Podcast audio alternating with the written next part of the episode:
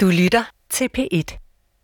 Jørgen Brøndal, havde et USA under præsident Al Gore sat skub i en grøn revolution og styret uden om krige i Mellemøsten? Mit korte svar er nok nej, men der er nogle spændende ting at tale om, og jeg vil selvfølgelig ikke udelukke, at historien havde udviklet sig anderledes end under præsident George W. Bush. Godt, Jørgen Brøndal, vi tager dig op på, det, øh, på den formodning.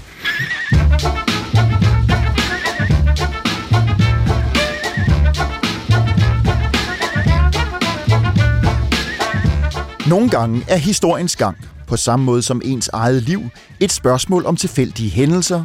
Til andre tider er den et resultat af bestemte beslutninger. Hvordan vil det være gået, hvis USA's præsident i år 2001 var blevet Al Gore og ikke George Walker Bush? Kan det tænkes, at amerikanerne havde været verdens førende inden for alternativ energi, og at al-Qaidas terrorangreb 9-11 aldrig var blevet en realitet? Mit navn er Adam Holm, og jeg vil i denne serie se på nogle konkrete begivenheder, hvor historien kunne have fået et andet udfald. I den forbindelse kan det være nyttigt at vende historien på vrangen og kigge facit efter i sømne. Måske det hele kunne have set anderledes ud på godt og ondt. Velkommen til Hvad nu hvis?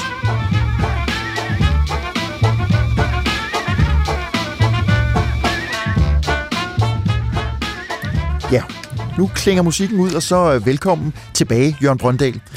Jo, tak. Professor i amerikansk historie og leder af Center for Amerikanske Studier ved Syddansk Universitet.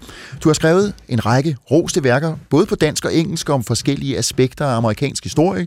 Og så har du, som jeg er sikker på, mange lyttere vil vide, en årrække optrådt her i P1 for eksempel, også på fjernsyn, som kommentator af amerikansk historie og politik, senest selvfølgelig i forbindelse med det nylige præsidentvalg. Og så skal jeg måske lige tilføje, at på grund af den her forbaskede coronasituation, så sidder du øh, over på Continental Danmark. Du sidder i DR studie i Vejle, så eventuelle afbrydelser fra min side må blive øh, lidt gelinde. Men Jørgen, vi skal, som øh, vi allerede har strejfet, tale om, hvad der kunne være sket. Altså, hvad havde været nogle sandsynlige scenarier, hvis Al Gore havde vundet præsidentvalget i år 2000.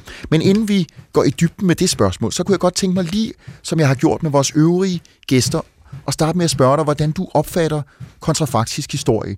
Er det for dig professoren en, øh, en disciplin, du aktivt anvender i din forskning, eller er det mest en intellektuel leg?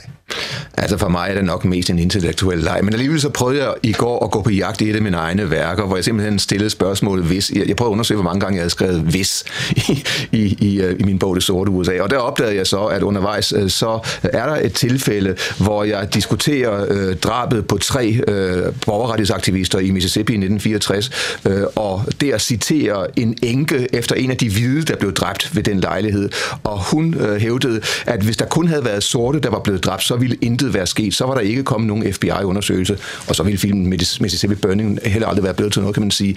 Og, og det er en lille bitte, bitte smule kontrafaktisk, men, men det er ikke noget, jeg dyrker ellers, nej. Ah, okay.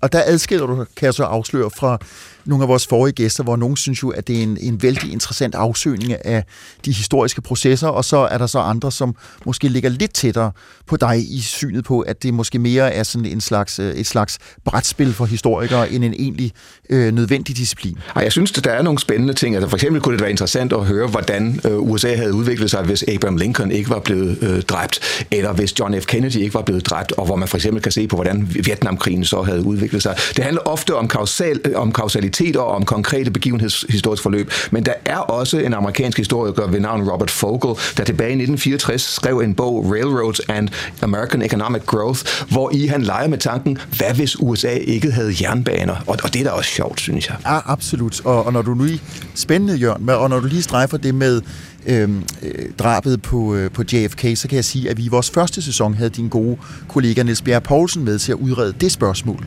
Øh, og særligt med fokus på Vietnamkrigen. Så det kan interesserede lyttere, inklusiv professor Brøndal, kaste sig over i juleferien. Men øh, Jørgen, lad os sætte scenen.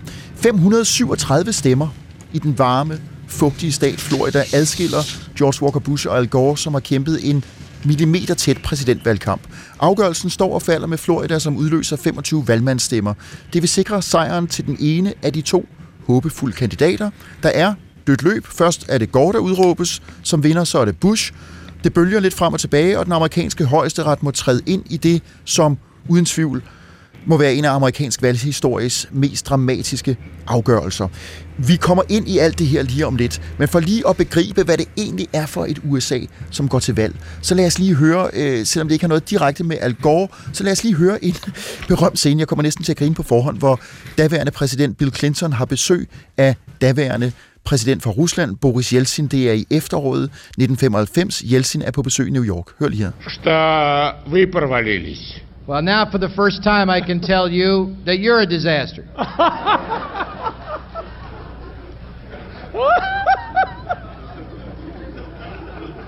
Be sure you get the right attribution there. Я надеюсь, что вы правильно все это поняли.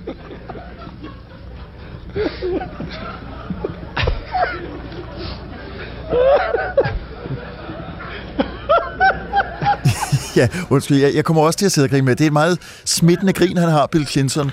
Øh, og mange, tror jeg også, at vores lyttere vil kende det her klip. Det har gået sin sejrsgang. Som sagt, det er ikke for direkte at tale om Clinton, men mere fordi klippet her er med til at understrege, måske i folks erindring, et billede af, at, at Clinton han var, han var en lattermild fyr. Vi har også set ham med en saxofon, og det tegner et billede af et USA, måske mere sovløst end det, vi kender i dag. Og så kommer spørgsmålet, Jørgen, hvor meget var der egentlig at grine af i det USA, som gik til valg i år 2000? Ja, altså jeg vil, jeg må lige tilføje, at Clinton han er ved at dø af krigen over, at en i øvrigt beruset Boris Yeltsin kalder pressen for en katastrofe. Jeg mener, i dag er der ikke ret mange, der griner over den nuværende præsident stadigvæk, Donald Trump, der også kalder pressen for en katastrofe. Men okay, hvis vi ser på tingenes tilstand i USA i 2000, øh, så var den øh, generelt temmelig god. USA var ikke længere involveret i nogen større krige.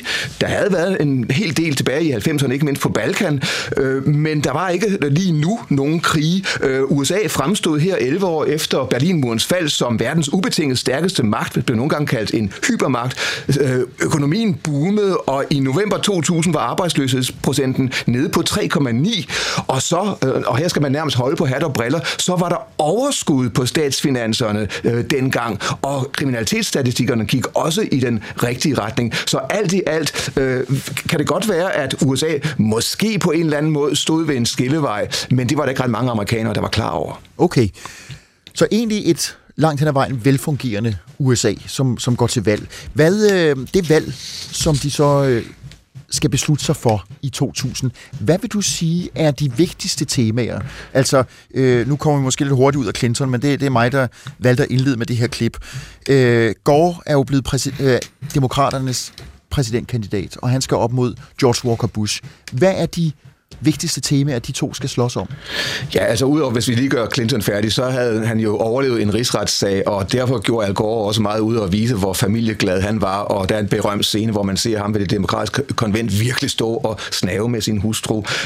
men, men, men derudover så handlede øh, valgkampen meget om øh, det, at der var overskud på statsfinanserne, og hvad man så skulle bruge pengene til, og hvor George Bush talte meget om at sænke skatterne, og også fik gennemført nogle kæmpe store skattesænkninger, efter han rent faktisk blev præsident, og han har også talte om det, man kalder compassionate conservatism, altså en slags medmenneskelig konservatisme, så var øh, Al Gore, øh, skal vi sige, en midtsøgende øh, og temmelig pragmatisk, øh, fiskalt forsigtig politiker, øh, der mente, at hele den nationale gæld skulle afvikles frem mod 2012, men hvor han også talte om en stabilisering og udbygning af det store velfærdsprogram Social Security, der handler om arbejdsløshedsunderstøttelse og om pensioner. Så øh, det var ikke som om, der var de helt kæmpe, kæmpe store øh, øh, ting øh, på spil udenrigspolitisk. Det kom meget til at handle om indrigspolitik og om, om øh, hvordan overskuddet skulle bruges. Mm-hmm. Øhm, så er der jo også et spørgsmål om personernes forskellighed, kandidaternes forskellighed.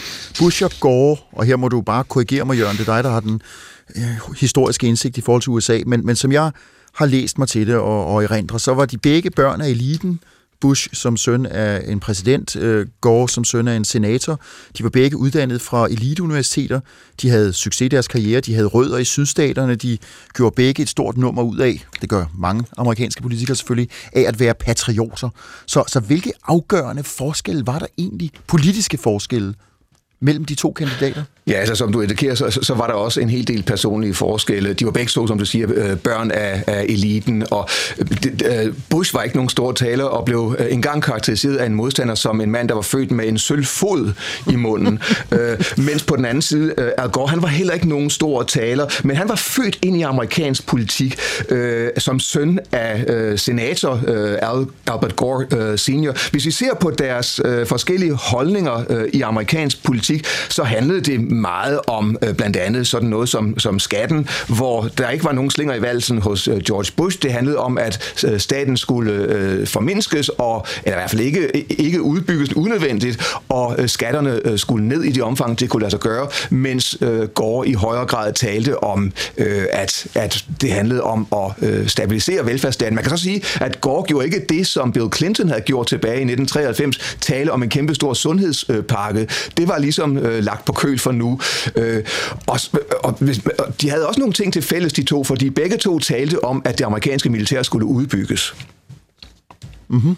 Vi, vi kommer til at gå, øh, når du lige siger militær, så får jeg lyst til at spille en øh, antimilitaristisk sang, vi, og vi kommer til at gå lidt mere ind, øh, hvad kan man sige, i personkarakteristikken af Al Gore. I et interview med øh, det kendte musikmagasin Rolling Stone, der fortæller præsidentkandidat Al Gore, det så i, i 99, at hans yndlingsnummer er Bob Dylans Masters of War. Og jeg skal måske lige sparke ind, at Gore i 1971, der er han altså en, en ung mand, selv i øh, en periode tjente som soldat i Vietnam. Og det var en krig, han anså for at være forkert, men han tog alligevel afsted som, som patriot. Lad os lige høre hans yndlingsnummer, Masters of War. Come, you masters of war. Here that build the big guns. Here that build the death planes. Here that build all the bombs. Here that hide behind walls. Here that hide behind discs. I just don't want you to know I can see through your masks. You that never done nothing but build to destroy. You play with my world like it's your little toy. You put a gun in my hand and you hide from my eyes. And you turn and run farther when the fast bullets fly. Like Judas of old. You lie and deceive. A world war can be won. You want me to believe. Ja, det var altså den unge soldat Al Gores yndlingsnummer, sunget her af anti-krigs øh, øh, sangskriveren Bob Dylan. Jørgen, for lidt bedre at begribe Al Gore, også fordi vi jo skal tale om, hvad, hvad det var, han måske kunne have bedrevet, var han blevet præsident. Så kunne jeg tænke mig at spørge dig, i tillæg til det, du har nævnt med at være søn af en senator, og nu har jeg nævnt det her med, at han tjente i Vietnam i en kort periode. Hvad havde han ellers med i bagagen? Altså, øh, Al Gore var født og opvokset som politiker, kan man sige. Øh, man kan lige sige omkring det der med, at han tog til Vietnam. Det er lidt kompliceret, fordi øh, han var i den grad øh, også et, en søn af sin far, øh, der selv først sad i, i repræsentanternes hus og så i senatet, men hvor øh, faren øh, blandt andet øh, på grund af sin kritik af Vietnamkrigen og sin åbenhed over for afroamerikanernes borgerrettigheder havde det svært frem mod øh, valget i 1970, og måske derfor tog Al Gore i krig, selvom han var sådan set kritiker af krigen, men for ligesom at hjælpe sin far, så faren ikke helt håbløst ville blive angrebet for, at der kan I bare se, selv hans søn vil ikke øh, gå i krig. Hold op, det var så, lidt af en håndtrækning. Det må man sige. En kæmpe stor håndtrækning. Men altså, Al Gore øh, øh, levede stor del af sin øh, barndom og ungdom i Washington D.C., og allerede i en alder af 28 år i 1976 øh, vælges han ind i repræsentanternes hus, og så øh, otte år senere i 1984 bliver han valgt ind i øh, senatet, hvor han sad frem til 1993, da han så blev øh, Bill Clintons vicepræsident. Øh, øh og mens han sad i, øh, i kongressen, altså både i repræsentanternes hus og senatet, blev han kendt som en, skal vi sige, sydstats forholdsvis moderat, forholdsvis konservativ politiker, der blandt andet var imod øh, federal øh, finansiering af aborter, og som øh, var øh, temmelig øh, forbeholden i idéer om at reformere salget af våben øh, mellem staterne, og som også var temmelig negativ over for homoseksuelle øh, øh, par. Så han, han var temmelig på mange måder øh, midtsøgende øh, i, i forhold til, til den tid, og så prøvede han allerede i 1988 øh, i en alder af bare 39 år at stille op til øh, præsidentvalget. Han klarede sig ikke super godt, men det er interessant, og, og det var det år, hvor Michael Dukakis i stedet for blev nomineret af demokraterne, og, og, og så sidenhen tabte til den ældre George Bush, men hvor også en anden øh, kandidat i feltet var øh, en herre ved navn Joe Biden, der i øvrigt er næsten seks år ældre end Al Gore. Mm-hmm.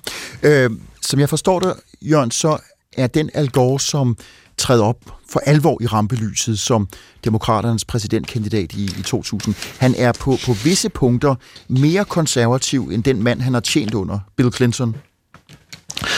Ja, altså, øhm, det, altså, det var i hvert fald forarbejde, og han er også meget mere politisk erfaren end Bill Clinton, fordi mm-hmm. han har den her enorme øh, øh, karriere bag sig i, i øh, øh, kongressen.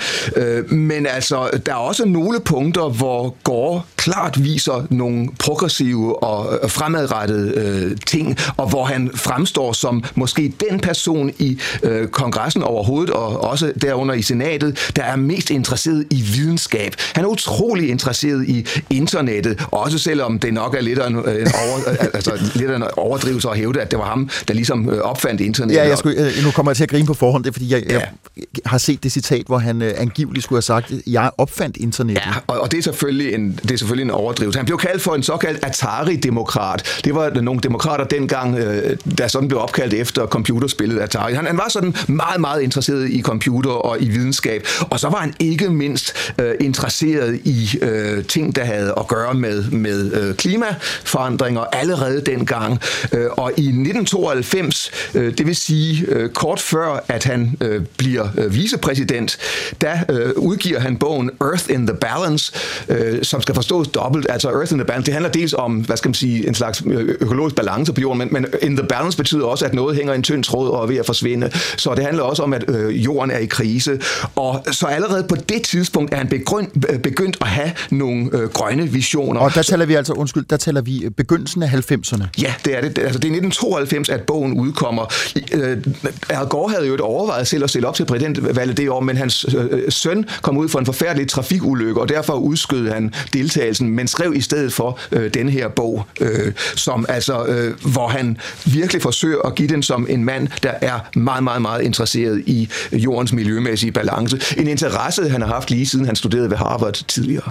Jørgen, det lyder på det, du siger, med hans øh, optagethed, Gårds optagethed af klima, miljø, teknologi, øh, som om, at han er på visse punkter, og i forhold til sin tid, både lidt foran, men også i virkeligheden lidt mere sværmerisk end, end måske sådan øh, øh, hardcore realistisk, fordi på andre områder, siger du, i forhold til hans, hans skattepolitik, der var han midtsøgende og forsigtig, men, men, men så er der nogle områder, hvor han, hvor han virker nærmest øh, drømmende. Ja, øh, og det synes jeg er, er, er meget, øh, altså det er lige præcis karakteristisk for ham, at på den ene side, så er han øh, pragmatisk, han er også en øh, meget, meget dygtig vicepræsident, der for eksempel, når det drejer sig om øh, at ligesom trimme det amerikanske byråkrati, så står han i spidsen for det, der hedder The National Performance Review, som er en kæmpe, kæmpe stor proces, hvor man gennemgår stort set alt inden for det federale øh, byråkrati, og hvor det lykkes Al Gore at klemme en masse øh, penge ud og ligesom trimme det, altså ligesom øh, Øh, gøre det lidt mere magert og lidt mere streamlinet, men hvor øh, han samtidig ofte kritiseres for, at, han, at hans politiske visioner ikke når så langt. Og i hvert fald så kan man sige, at øh, Al Gore har nogle meget store øh, visioner, øh, men han er ikke altid lige så dygtig til at være, skal vi sige, folkelig politiker. Der er en amerikansk journalist øh, ved navn Nicholas Lehman, der i 2000 fik lov til at følge med øh, Al Gore ombord på øh, Air Force 2, altså vicepræsidentens fly, og fik lov lov til at interviewe ham i en time. Og, og, og selvom øh, Al, Al Gore var på vej til en fundraiser fra San Francisco til Miami i Florida, selvom øh, det var ligesom hans dagsorden den dag, så sad han sammen med den amerikanske journalist fra The New Yorker, øh, Nicholas Lehman, og talte om brugen af metaforer og brugen af metonymi, og hvad forskellen mellem de to begreber var, og blev meget optaget af det, og var vældig, vældig øh, spændt på at tale om det. Øh, så han, han var på mange måder intellektuelt søgende, ja. og, og, og så kan man, nu lyder det næsten som, man siger, at det er en dårlig ting. Nej, altså det er da egentlig fantastisk, at vi her har en præsident, der er måske øh, en af de mest intellektuelt søgende siden Woodrow Wilson tilbage i starten af det 20. århundrede. Spændende. Øh, ikke desto mindre, og det skal vi jo trods alt lige have rundet af, inden vi begiver os ind på øh, det kontrafaktiske hovedspor. Går, på trods af, at han var skræddersyet nærmest til at blive præsident som søn af et politisk system, og med de kvaliteter, du lige har redegjort for, ender med at tabe valget. Jørgen, for de af os, som øh, har glemt sådan detaljerne i det, kan du ikke lige i et par minutters penge oprise, hvad er det, der fører til, at han ender med ikke at blive præsident? Ja, altså på landsplan sker der det i 2000, at Al Gore får øh, over en halv million flere stemmer end George W. Bush. Så hver gang vi taler om, hvor akavet øh, Al Gore var, og, og hvor upolitisk han fremstod, og alt det der ufolkeligt, så skal vi ikke glemme, at han rent faktisk fik mere end en halv million flere stemmer end George W. Bush. Men på grund af det amerikanske valgmandssystem med det der princip, om, princip om the winner takes it all, der gælder i alle stater, undtagen Maine og Nebraska, så øh, kom det hele til at handle om, hvordan øh, stemmeoptællingen gik i øh, staten Florida.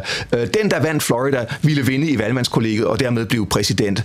Og øh, til at begynde med troede øh, flere øh, medier, at Al Gore havde vundet. Så skiftede de til George W. Bush, og så viste det sig hele at være så utroligt tæt, at Al Gore, der allerede havde ringet til Bush og lykke, lykønskede ham med sejren, trak sin lykønskning tilbage, og så gik et langt, langt slagsmål om optælling og genoptælling af stemmer øh, i gang. Og det handlede om, at hver øh, county havde sin egen optællings, øh, øh sine egne optællingssystemer, og det kom i sidste ende til at handle om fire meget, meget store counties i Florida, øh, og om håndoptælling af stemmesedlerne der, og det var noget, som Floridas øh, egen højesteret blev involveret i, og hvor man, man blandt andet gav nogle, man forlængede fristen for optælling af stemmer fra den 14. Øh, november frem til den 26. november, men hvor man så yderligere fra den øh, øh lokale højesteret i Florida ville til at give en yderligere frist til optælling af nogle af de her stemmer, så var det, at USA's højeste ret, der på det tidspunkt øh, var domineret af øh, folk, øh, nomineret af, af øh, republikanske præsidenter, gik ind og stoppede omtællingen, og dermed de facto øh, gav George W. Bush sejren på et tidspunkt, hvor, den sidste, øh, hvor det sidste resultat fra Florida havde vist, at han førte med bare 537 stemmer. Ja. Det var meget, meget kontroversielt, og øh, det var noget, som mange demokrater var utrolig kede af, af, men Al Gore tog det i stiv arm og øh, var hurtig til at anerkende, at George W. Bush måtte blive den næste præsident. Ja, nu forstår Donald Trump ikke dansk, men hvis han hørte med, så kunne det være, at han kunne skrive sig det bag øret. Lad os lige, bare lige for han er sagt, den historiske stemnings skyld, Jørgen Brøndal, høre, øh, hvordan det lød, da Al Gore faktisk gratulerede Bush den her gang øh, uigendriveligt med præsidentposten. Just moments ago, I spoke with George W. Bush and congratulated him on becoming the 43rd President of the United States. And I promised him that I wouldn't call him back this time. I offered to meet with him as soon as possible so that we can start to heal the divisions of the campaign and the contest through which we've just passed. Almost a century and a half ago, Senator Stephen Douglas told Abraham Lincoln, who had just defeated him for the presidency, partisan feeling must yield to patriotism. I'm with you, Mr. President, and God bless you. Ja, God bless you, og det er patriotisme og ikke øh, holdningsborgerne forskel, som skal, som skal samle os her er det en lidt ung Al Gore for sagt. Som du er inde på, Brøndal, øh, Gore måtte nødtvunget acceptere sit nederlag, men han gjorde det øh, på trods af, at han vandt en halv million flere stemmer end Bush. Øh, men, og nu kommer vi til det. Hvis Al Gore havde vundet, hvilket USA havde han stillet sig i spidsen for? så ville han have stillet sig i spidsen for et USA, der allerede i flere år havde været præget af stigende politisk polarisering.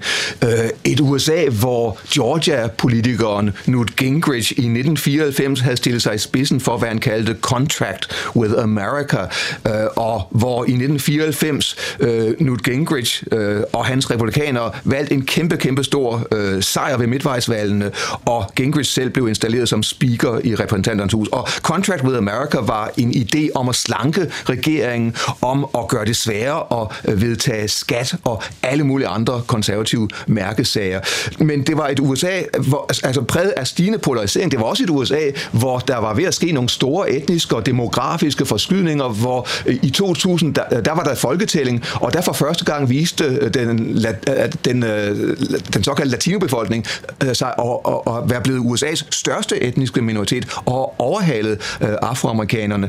Det var også et USA, hvor det ville være utrolig svært for en demokratisk præsident at, at herske, forstået på den måde, at i repræsentanternes hus, der havde øh, republikanerne stadigvæk et lille flertal efter valgene i 2000, og i senatet stod det 50-50 efter øh, valget, og det vil sige, at her der ville øh, Gores vicepræsident øh, Joe Liebermans stemme have været afgørende for øh, udfaldet. Men det vil være svært at, at regere i, i et USA, hvor altså kongressen er splittet partipolitisk, og, øh, og hvor det ene kammer har en anden partifarve i dets flertal, end hvad præsidenten har. Mm-hmm. Så nogle temaer, som vi måske som lyttere og seere er blevet noget mere bekendte med, vi der ikke i modsætning til dig, følger amerikansk historie og politik tæt. Nogle af de temaer, vi nu er, er bekendte med, de begynder at vise sig på det her tidspunkt. Øh, og, og, og hvad kan man sige, der er nogle brudflader i det amerikanske samfund, som så senere bare er blevet dybere og mere alvorlige. Lige præcis. Øh, hvad er det for du har svaret lidt på det, men bare for at få det pindet ud. Hvad er Gors grundlæggende forhåbning? Altså, hvis det er ham, som får nøglerne til det hvide hus, hvad er det, han så håber at kunne udrette i løbet af sin første, øh, det der gerne skulle være hans første periode af to Ja, altså hvis vi sammenligner med, med, med Clinton, vil han gerne komme ud af Clintons skygge og samtidig vise, øh, at han ikke øh, skal øh, trækkes ned af alle mulige skandaler og rigsretssager. Men så handler det også for ham øh, om at fortsætte en pragmatisk, forsigtig linje, hvor der skal høvles af på USA's nationale gæld frem mod, at den afskaffes i 2012, og hvor velfærdsstaten øh, skal sikres og øh, stabiliseres. Men altså igen, som jeg var inde på før, uden til synlædende at gøre noget ud af en, en stor øhm, øh, sundhedslov. Samtidig er det et USA, hvor militæret skal styrkes. Vi skal altså ikke tage fejl. Øh, Al Gore øh, havde været og var noget af en hø i amerikansk udenrigspolitik. Han har været en af bare 10 demokrater i senatet, der i 1991 stemte for en krigsresolution i forbindelse med den første golfkrig, dengang hvor Saddam Hussein øh, havde invaderet øh, Kuwait, og hvor øh, George H.W. Bush øh, bragte den øh, besættelse til ophør og invaderede øh, øh, både Kuwait og, og Irak. Øh, så det var i hvert fald nogle af de ting, som man håbede på. Samtidig øh, fortsætte den vækst, der prægede USA, og så man kan sige, måske drømte han også om nogle grønne tiltag, men med en splittet kongres ville det godt nok blive svært. Nå, vi vender selvfølgelig om, om for tid tilbage til det med udenrigspolitikken og, og Bush, øh, undskyld, Gores øh, noget mere højeagtige tilgang til, øh, til, til for eksempel militæret, militærets indsættelse. Men når du lige strejfer det grønne, Jørgen, så er vi jo mange, nu nævnte du selv, at han fra starten af 90'erne havde været meget opmærksom på klima og miljø. Så jeg tror, at, at øh, hvis man associerer noget med Al Gore i dag, så er det grøn omstilling. Ja. Og så siger du, at det havde nok ikke været så tydeligt. Ej, altså jeg vil sige, når vi, sammenligner, når vi sammenligner med, hvem der rent faktisk blev præsident, George øh, W. Bush, så øh, fremstod Al Gore som meget grønnere, og han var jo en af de øh, amerikanske politikere, der var med til at forhandle Kyoto-protokollen på plads tilbage i 1997, øh, da han var øh, vicepræsident, og øh, noget, som han investerede masser af politisk øh, kapital i, mens derimod øh, George W. Bush fordømte Kyoto-protokollen og brokkede sig over, at øh, der ikke blev øh, gjort nok for at stoppe øh, den globale opvarm, øh, opvarmning, når, når, øh, altså den menneskeskabte klimaopvarmning, når det drejede sig om lande som Indien og, og Kina. Men der var Al Gore øh, meget mere grønt indstillet og ville selvfølgelig heller ikke have, have fordømt og kritiseret øh, Kyoto-protokollen på den måde, som Bush gjorde det. USA tilsluttede sig aldrig øh, Kyoto som en egentlig traktat. Det ville have krævet, at senatet gik med til det, og øh, det kom ikke til at ske øh, under hverken Clinton eller Bush, og det ville sikkert heller ikke være kommet til at ske under Gore. Men altså jo jo, øh, han var meget interesseret i øh, lige præcis Kyoto og øh, global opvarmning og udledning af, af, af drivhusgasser. Øh, det kan så være, at han kunne have gjort det, som vi så Obama gøre mange år senere, nemlig forsøge at gennemføre nogle ting uden om kongressen per dekret nogle grønne tiltag. Det er selvfølgelig en mulighed, og det kan sagtens være, at øh, Al Gore ville have forsøgt det mod afslutningen af sit præsidentembede, ligesom Obama gjorde det. Okay, men, men det vi så, kan jeg høre på dig, Jørgen, ikke skal se for os, og det er måske i virkeligheden det, nu taler jeg bare for egen regning, jeg selv havde forestillet mig, hvis Gore var blevet præsident, det er, vi havde ikke fået en præsident, som altså med et af sine første dekreter havde lukket øh, for eksempel de amerikanske øh, kernekraftværker. Han ville ikke have dekreteret øh, ophævelse af fossile brændstoffer, og der skulle ikke sættes øh, solcellepaneler op på øh, hver andet hus. Altså det har jeg svært ved at forestille mig, også fordi han vedblivende øh, insisterede på, øh, at økonomisk vækst og øh, balance på statsbudgetterne også var vigtige faktorer. Og så var der bare ikke på det tidspunkt en tilstrækkelig stor folkelig opbakning til den slags initiativer. Det kan godt være, at Al Gore havde forsøgt sig med, med, med noget, men øh, jeg tror ikke, vi havde set en grøn revolution under Al Gore som præsident. Jeg lader stadig lige øh, udenrigspolitikken og, og det med, med den militære side hænge som øh, ja, en, en cliffhanger, øh, for der er lige et par indrigspolitiske spørgsmål, vi skal strejfe. Vi har jo set i de senere år, øh, og nu er det altså helt aktuelt med, med Trump, hvordan øh, der har været det, nogen vil kalde a racial divide, altså øh, racemæssig skæld. Du har så i din historieskildring vist, at det er jo noget, som, som øh, stikker meget, meget dybere end bare de seneste år. Men ville en gård nu nævnte du også, at hans far havde en noget mere progressiv tilgang for sin tid end så mange andre. Vil han have adresseret, øh, hvad skal vi sige, øh, den her øh, racemæssige kløft mellem det sorte og det hvide Amerika? Altså, det vil jeg da ikke udelukke, at han ville have gjort, øh, men øh, der er ikke så meget i hans øh, sådan historiske bagage, der tyder på, at det var noget, der, øh, der sådan var afgørende øh, for ham, selvom han øh, bestemt øh, generelt indtog forholdsvis progressive holdninger øh, for en mand, der kom fra sydstaten Tennessee. Jørgen, du, du, øh, altså, du er med til at tale ham lidt ned på en måde, vil jeg sige. Altså, du, du har ganske vist fremhævet nogle intellektuelle kvaliteter hos ham, og hans store nysgerrighed og indsigt i, i for eksempel videnskabsteori øh, og teknologi. Men han lyder jo mest af alt, synes jeg, som en lidt af en forsigtig Peter, som mere vil administrere det, som allerede var, og, og gøre det sådan øh, midtsøgende. Altså, hvad, hvad tror du vil have været hans tydeligste aftryk på det amerikanske samfund i, i den første valgperiode? altså, jeg vil sige det på den måde, at øhm, det ville have, altså, og nu foregriber jeg begivenhedernes gang. Altså, lad os nu sige, at 11. september-angrebet havde sat ind. Det havde formodentlig også fuldkommen omdefineret øh, Al Gores præsidentembede, og ville have betydet, at han ville skulle stå i spidsen for opbygningen af en national sikkerhedsstat og en eller anden form for kæmpestort national sikkerhedsapparat. Og det ville derfor også for ham have defineret øh, hans præsidentembede mere end øh, andre øh, kerneområder som øh, miljøet og, og øh, velfærdslovgivningen.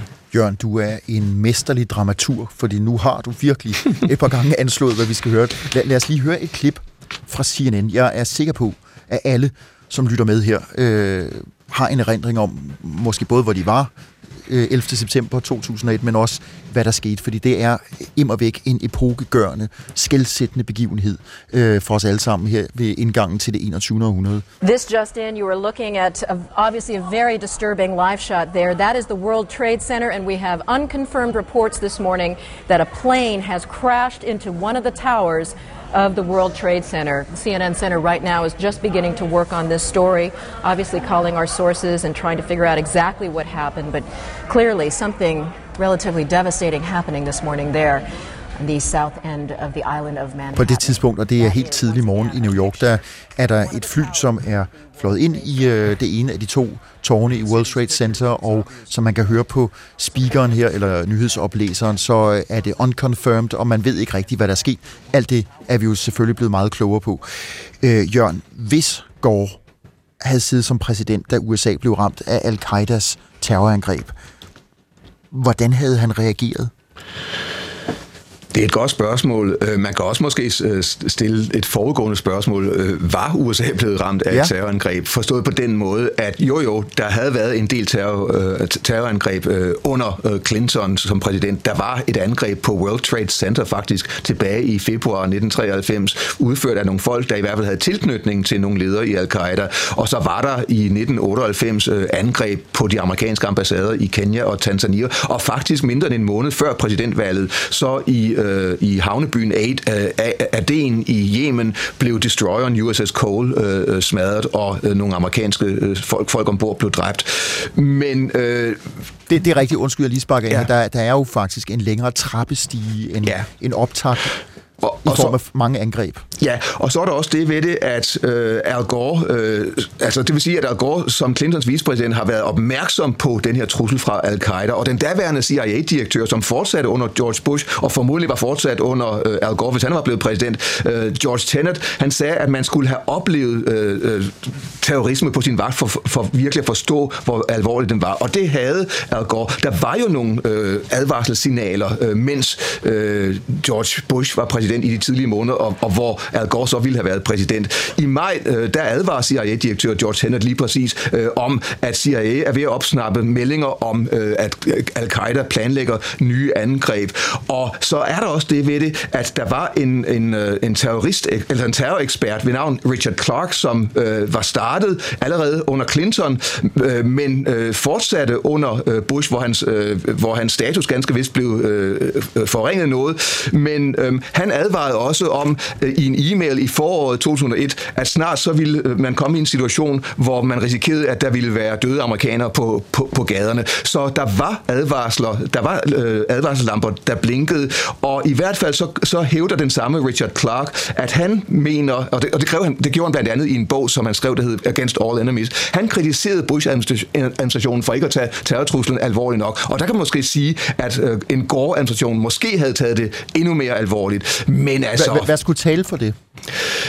Altså, dels at Richard Clark øh, under øh, en Al Gore ikke ville have mistet nogen status, øh, og at man måske øh, på basis af de efterretninger, der var, i endnu højere grad ville have fokuseret på at, at, at, at gå efter al-Qaida. Vi skal heller ikke glemme, at ifølge Bill Clinton, så var noget af det, han sagde til øh, den øh, indkommende præsident George W. Bush, da han startede i embedet, at langt den største trussel udgøres af Bin Laden og al-Qaida. Og det var måske, måske noget, som øh, Bush kunne have brugt mere tid på at grunde over. Mm-hmm.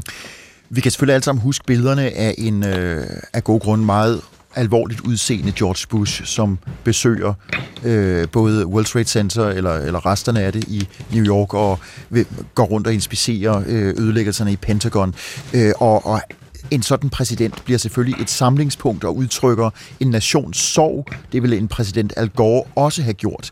Men hvad bortset fra, hvad skal man sige, øh, hele den, den øjeblikkelige reaktion på det her ekstremt chokerende og, og, og gruopvækkende angreb, hvad havde så efterfølgende været, hvad kan vi forestille os ville have været en, en Al Gore-regerings respons på det her? Ja, jeg vil sige på den måde, at øh, Bush tilbage i dagene efter 11. september, der blev han af sine rådgivere stillet over for tre muligheder.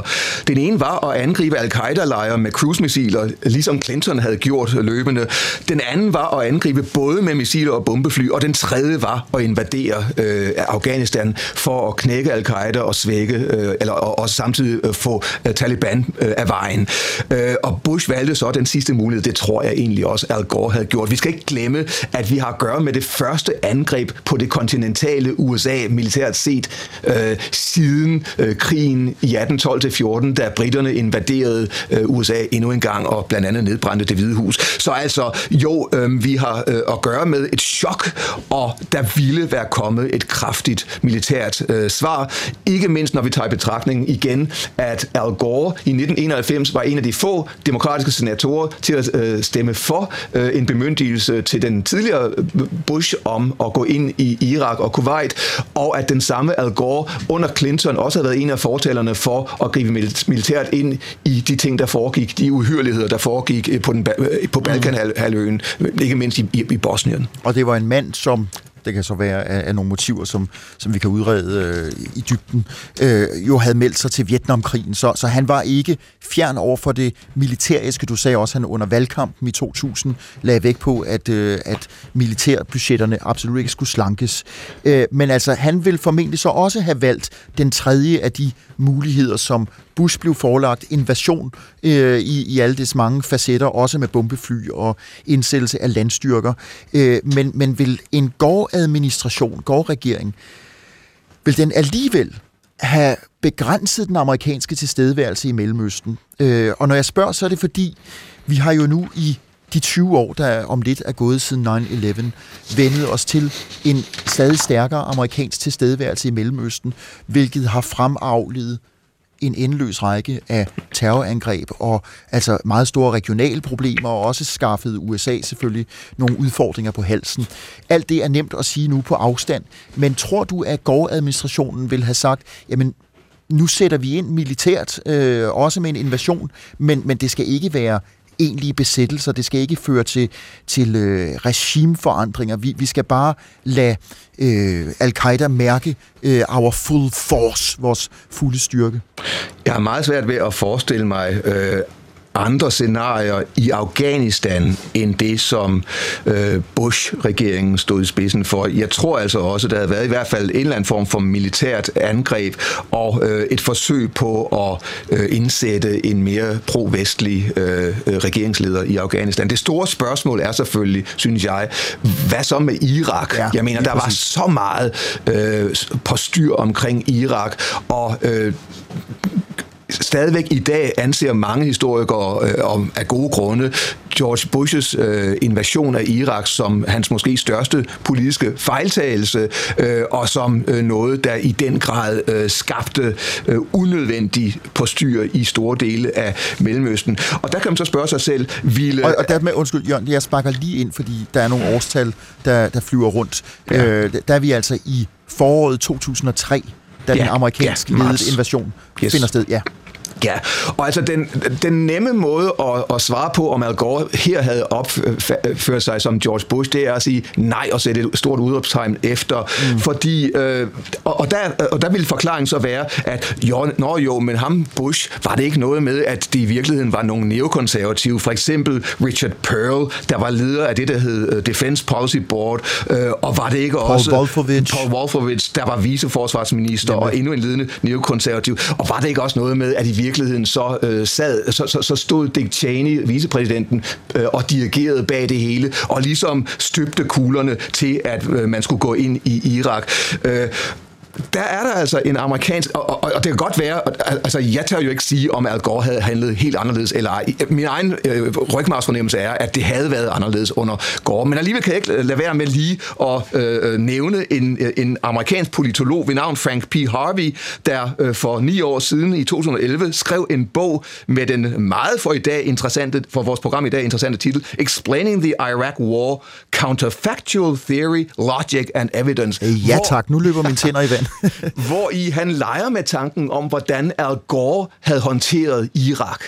Og hans noget overrumplende påstand er, at han mener også, at Al Gore, selvom han var ude og kritisere Bush i øh, en tale, øh, blandt andet øh, øh, før invasionen, altså i september 2002 allerede, var ude og kritisere Bush for sin diskussion af øh, preemptive øh, strikes og den slags ting, og for øh, at planlægge og gå ind i Irak, øh, så er øh, i hvert fald øh, Frank Harveys idé, at vi i alt for høj grad i vores måde at tolke det her på, har set på en idé om, at de neokonservative havde en enorm indflydelse på øh, George W. Bush, men at det i virkeligheden var sådan, at øh, de neokonservative i øh, slagsmål efter slagsmål politisk set tabte, og at det var andre kræfter, øh, og også blandt andet øh, selvfølgelig øh, den øh, britiske premierminister Tony Blair, der fik stor indflydelse, og at hvis vi tager øh, de politiske spændinger med, hvis vi tager organisatoriske og byråkratiske hurdles med, mm-hmm. hvis vi ser på det internationale billede i sin helhed, og så videre og så videre, jamen så hævder Frank Harvey, det kan sagtens være, at en Al Gore også var gået ind i Irak. Og vi skal heller ikke glemme... Bare, hæv... bare ikke tilskyndet af neokonservative. Lige præcis. Og, og, og igen, hvor han hævder, at de neokonservatives øh, indflydelse er blevet overdrevet. Og så igen, så øh, gør Harvey opmærksom på, at når vi ser på, hvem der stemte for resolutionen øh, om at give øh, Bush militær bemyndigelse til at gå ind i Irak, det, det var så i efteråret 2002, der figurerer blandt andet demokraternes senere øh, præsidentkandidat i 2004, John Kerry, blandt dem, der stemte ja. Hillary Clinton var blandt dem, der stemte ja. Joe Biden var blandt dem, der stemte ja, og Chuck Schumer og John Edwards, som også var meget, meget øh, øh, øh prominente demokrater, var også blandt dem, der stemte ja. Dermed ikke være sagt, at, øh, at jeg nødvendigvis giver Frank Harvey ret, men jeg synes, det er interessant nok i hvert fald, at man kan nuancere det her billede med, at man bare skal tage for givet, at, at Al Gore nødvendigvis havde handlet radikalt anderledes i forhold til Bush. Man kan så spørge sig selv, hvis vi nu leger videre og siger, at øh, Al Gore var gået med til, til, til en eller anden form for øh, et eller andet opgør med Saddam Husseins øh, USA i kølvandet på 11. september. Saddam fordi, Husseins Irak. Ja, hvad sagde jeg? Ja, USA. okay, ja, Saddam Husseins Irak efter 11. september angrebene. Hvis øh, øh, Gore var gået med til det, så kan det selvfølgelig også godt være, at han havde håndteret efter øh, forløbet, efter selve øh, den militære sejr, anderledes end hvad Bush og hans forsvarsminister yeah. Donald, Trump, Donald Rumsfeld gjorde, hvor man er blevet kritiseret for, hvor de er blevet kritiseret for, og er indsat alt for få styrker til at håndtere det utrolig komplekse og meget dramatiske og uroplagede øh, øh, efterspil, der var, og hvor man måske kunne være gået ind med langt, langt færre soldater, og måske have hindret nogle af de enorme optøjer og den uro, der, der kom til at plage. Igen, jeg hævder ikke, at Al Gore var gået ind i Irak. Jeg siger bare, at måske er det ikke så enkelt endda, som nogle har taget for givet i deres måde at øh, stille Bush op mod en, en, et alternativ, der hedder Gore. Nej, og jeg hører så måske i min, øh, i min tilgang og i min planlægning af det her program til, til den øh, fløj, som vil umiddelbart, indtil du nu kommer på banen med dine øh, irriterende nuancer og korrektioner, vil, vil have antaget, at Gore, og det er så bedømt ud fra den retorik, han udfoldede under præsidentvalgkampen, ja. vil have anlagt en anden linje. Øh, men mhm. selvfølgelig mm. er der nogle, øh, og det var jo så det, der skete med 9-11 og hele det efterfølgende ja. forløb, nogle anderledes realiteter. Og i det spil, og nu opsummerer jeg en smule, Jørgen, øh, der, der siger du, at Gore vil altså i det store og det hele formentlig have handlet på samme måde, som, som det, øh, øh, altså den, den faktiske præsident George Bush så kom til at gøre. Altså ind i Afghanistan for at for alvor komme i bund med al-Qaida, og øh, muligvis også ind i Irak, fordi at, at det ligesom var en regional trussel. Ja, altså jeg vil ikke, altså igen, altså det er også simpelthen for at fremdrage den bog af Frank Harvey, fordi han ligefrem leger med mm. øh, mhm. kontrafaktisk historieskrivende, og det synes jeg var spændende, når jeg nu skulle forberede mig til, til det her program. Øh, jeg vil ikke sige, at, at jeg nødvendigvis deler den idé. Det kan altså, jeg mener, det, det handler også meget om, hvordan man fortolker øh, den tale, som øh, øh, Al Gore øh, holdt i, i, øh, øh i jeg, jeg, jeg mener, det var i september 2002, øh, hvor øh, hvor han øh, i hvert fald øh, var øh, meget mere, øh, eller, eller hvor, hvor man ikke uden videre kan sige, at, at Gores tale øh, på nogen som helst måde var noget stempel for, for altså noget grønt stempel for øh, Bush, men hvor man måske stadigvæk godt i hvert fald kan lege med den tanke og huske øh, om, at øh, Gore selv i den tale taler om sig selv øh, som en, der, der har høgemæssig baggrund. Mm. Øh, igen, det bliver meget spekulativt, og, og det kan også godt være, at han havde øh, taklet det her på en helt anden måde. Nu, nu, nu tillader vi jo trods alt i det her program, det er lidt spekulativt. Ikke det, mm. ikke det alt for øh, vidtløftige og, og fiktive, men dog, øh, hvad skal vi sige, det der i den historiske proces tillader os lige at vente på hovedet og se, om, om der gemmer sig noget der.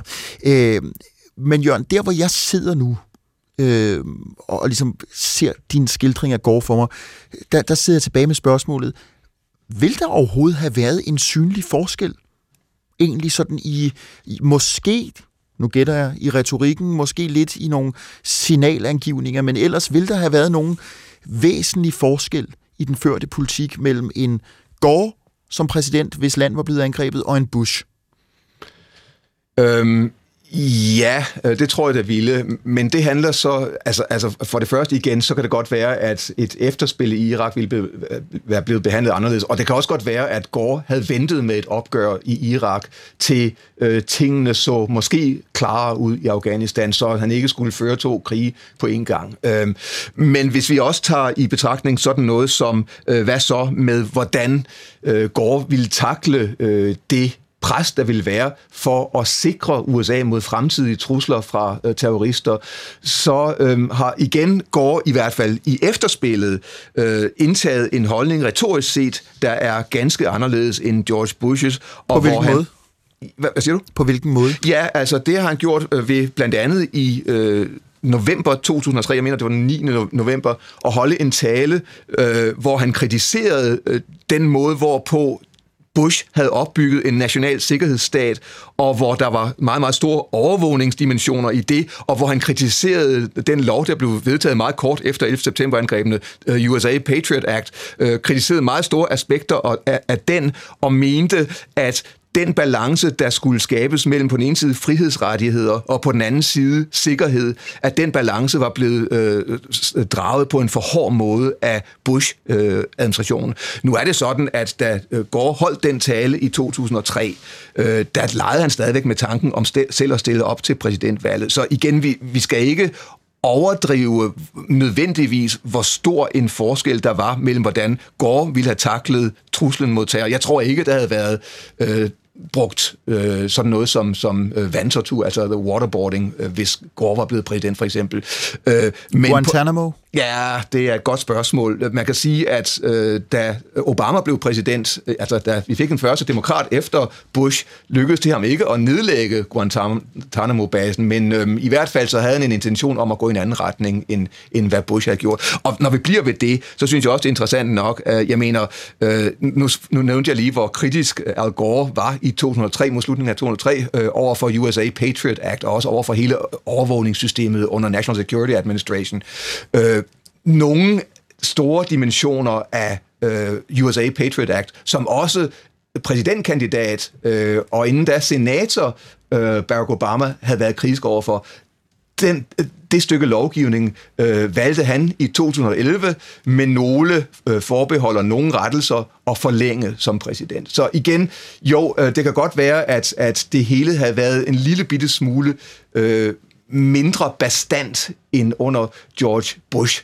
Øh, men der havde stadigvæk været en opbygning af øh, et nationalt sikkerhedsapparat under en præsident Al Gore, er jeg sikker på mindre bastant. Øh, tror du så, at et mindre bastant, et måske lidt mindre bombastisk USA under en præsident Gore, vil have været mere spiselig, mere øh, acceptabel i for eksempel den europæiske offentlighed? Fordi noget af det, jeg, øh, og nu er det lige for egen regning, erindrer mig, det var store demonstrationer, ikke så meget herhjemme, men i London for eksempel, og Berlin og øh, andre steder i Europa, og som end også i USA, imod den amerikanske krigsførelse og imod George Bush, som jo blev ansigtet på øh, først og fremmest invasionen af Irak. Tror du, det ville have været lidt anderledes med en demokratisk præsident? I hvert fald så viser den nyere historiske erfaring, at hver gang, at der er en demokratisk præsident, der besøger Europa, ej, jeg, skal passe på ikke at overdrive, så opfattes han nærmest som, i hvert fald i nogle lande, som en rockstjerne, inklusive i Danmark. Ja. Mens øh, republikanske præsidenter har det betydeligt sværere. Øh, hvis vi øh, antager, at Al Gore øh, var gået ind i Afghanistan, og måske havde været lidt mere forsigtig med at gå ind i Irak, selvom han måske eventuelt til sidst øh, var gået derind, øh, Øh, så øh, altså problemet øh, ville have været, at øh, Frankrig øh, og Tyskland var meget kritiske over for ideen om at gå ind i, i Irak. Og, og hvis en Al Gore var, var, havde taget det skridt, så ville han også få det svært, øh, tror jeg, i Europa. Men igen, øh, spørgsmålet er, om han havde gjort det under øh, de samme betingelser, som George W. Bush havde gjort det. Mm-hmm. Jørgen, vi øh, nærmer os stille og roligt øh, indflyvningen. Øh, noget, jeg egentlig har siddet og tænkt på, på trods af, at, at jeg er blevet lykkelig afledt af meget af det, du har sagt, øh, det, det er en lille detalje. som vi måske lige kan få med på faldrebet, og det er, at Al Gore som sin vicepræsident vil have haft Joe Lieberman. Øh, og Joe Lieberman vil i så fald, mig bekendt, her må du også lige korrigere mig, det er jo dig, der er USA-kenderen, vil have været den første øh, amerikanske jøde på så fremtrædende en post. Ja, det er fuldkommen korrekt. Og, øh, og det kan jeg huske på det tidspunkt, øh, at det fik han ros for Gore, men, men ville det have været øh, et eller andet sted, som det amerikanske system, øh, establishment, er skruet sammen, ville det have været en udfordring for Gore at have en jødisk øh, vicepræsident? Det tror jeg egentlig ikke længere. Øh, det ville det have været tidligere i, øh, i, ja, tilbage i, i øh, 1900-tallet, i det 20. århundrede. Jeg er ikke sikker på, at det havde gjort den store forskel. I hvert fald så kan man sige, at disse øh, religiøse dimensioner, øh, når de ikke handler om øh, islam, han er sagt, så betyder de øh, forholdsvis mindre og mindre i USA. Vi skal heller ikke glemme, at det vi kommer til at opleve den 20. januar i år, det er, at USA's anden katolske præsident, Joe Biden bliver taget i ed. Øh, dengang, hvor John F. Kennedy i øh, 1961, den 20. januar 61, blev taget ud som præsident, der var det, der var det enorm opsigt, at man valgte en øh, katolsk præsident. I dag så spiller de, disse religiøse skæld ikke på samme måde øh, en, en afgørende rolle. Mm-hmm. Jørgen Brøndal, hvis man øh, som jeg, inden vi tændte for optag-knappen, havde troet, at du vil fortælle om en Al Gore, som var øh, altså øh, grøn som en øh, vormark og teknologisk øh, fetishist og, og antimilitarist, og det dermed vil have været et helt anderledes USA, så er man jo blevet, om ikke skuffet, så i hvert fald korrigeret i den øh, antagelse. Men hvad står for dig tilbage som man kan sige, læreren af historien om Gore, der var så snublende tæt på at blive USA's 43. præsident? Jamen, så lad mig lige tage et forbehold over for alt, hvad jeg har sagt indtil videre, fordi jeg, synes stadigvæk, at en lærer, øh, vi, vi drager i disse dage, hvor øh, Donald Trump snart går af som præsident, det er, at jo, individer betyder noget, og der er forskelle. Og jeg tror også, der selvom øh, Al Gore øh, i nogle af de afgørende spørgsmål og med 11. september øh, som en dominerende øh, størrelse øh, ville have gjort en hel del, øh, som minder om det, som George Bush gjorde, så ville der måske alligevel have været nogle, nogle forskelle, der havde gjort, at en Al Gore, øh, ikke mindst på den her side af Atlanten, for mange almindelige øh, europæere ville have fremstået som måske mere spiselige. Og det ville have ændret på den her side af Atlanten i hvert fald noget af fortællingen om USA, og det ville det, hvem ved, måske også i øh, Mellemøsten? Uha. Øhm, Måske, men, øh, men øh, igen, øh, det er utrolig svært at sige, og øh, i det omfang, at hvis nu vi stadigvæk leger med tanken om, at Al Gore øh, var gået ind i Irak, uha, så havde det godt nok også øh, været meget, altså, så havde det været en meget, meget, meget øh, kompliceret øh, mellemøstlig øh, verden, øh, ja, og det USA er det så. og Europa havde konfronteret. Og det er det så i forvejen. Oh ja. Jørgen Brøndal, professor i amerikansk historie ved Syddansk Universitet og leder af Center for Amerikanske Studier selv samme sted. Tusind tak, fordi du var med. Velbekomme. Og dermed er vi kommet til vejs ende. Min kollega, journalist Mikkel Clausen, er redaktør og sparringspartner på denne serie. Vi siger tak for denne her gang, og på genhør.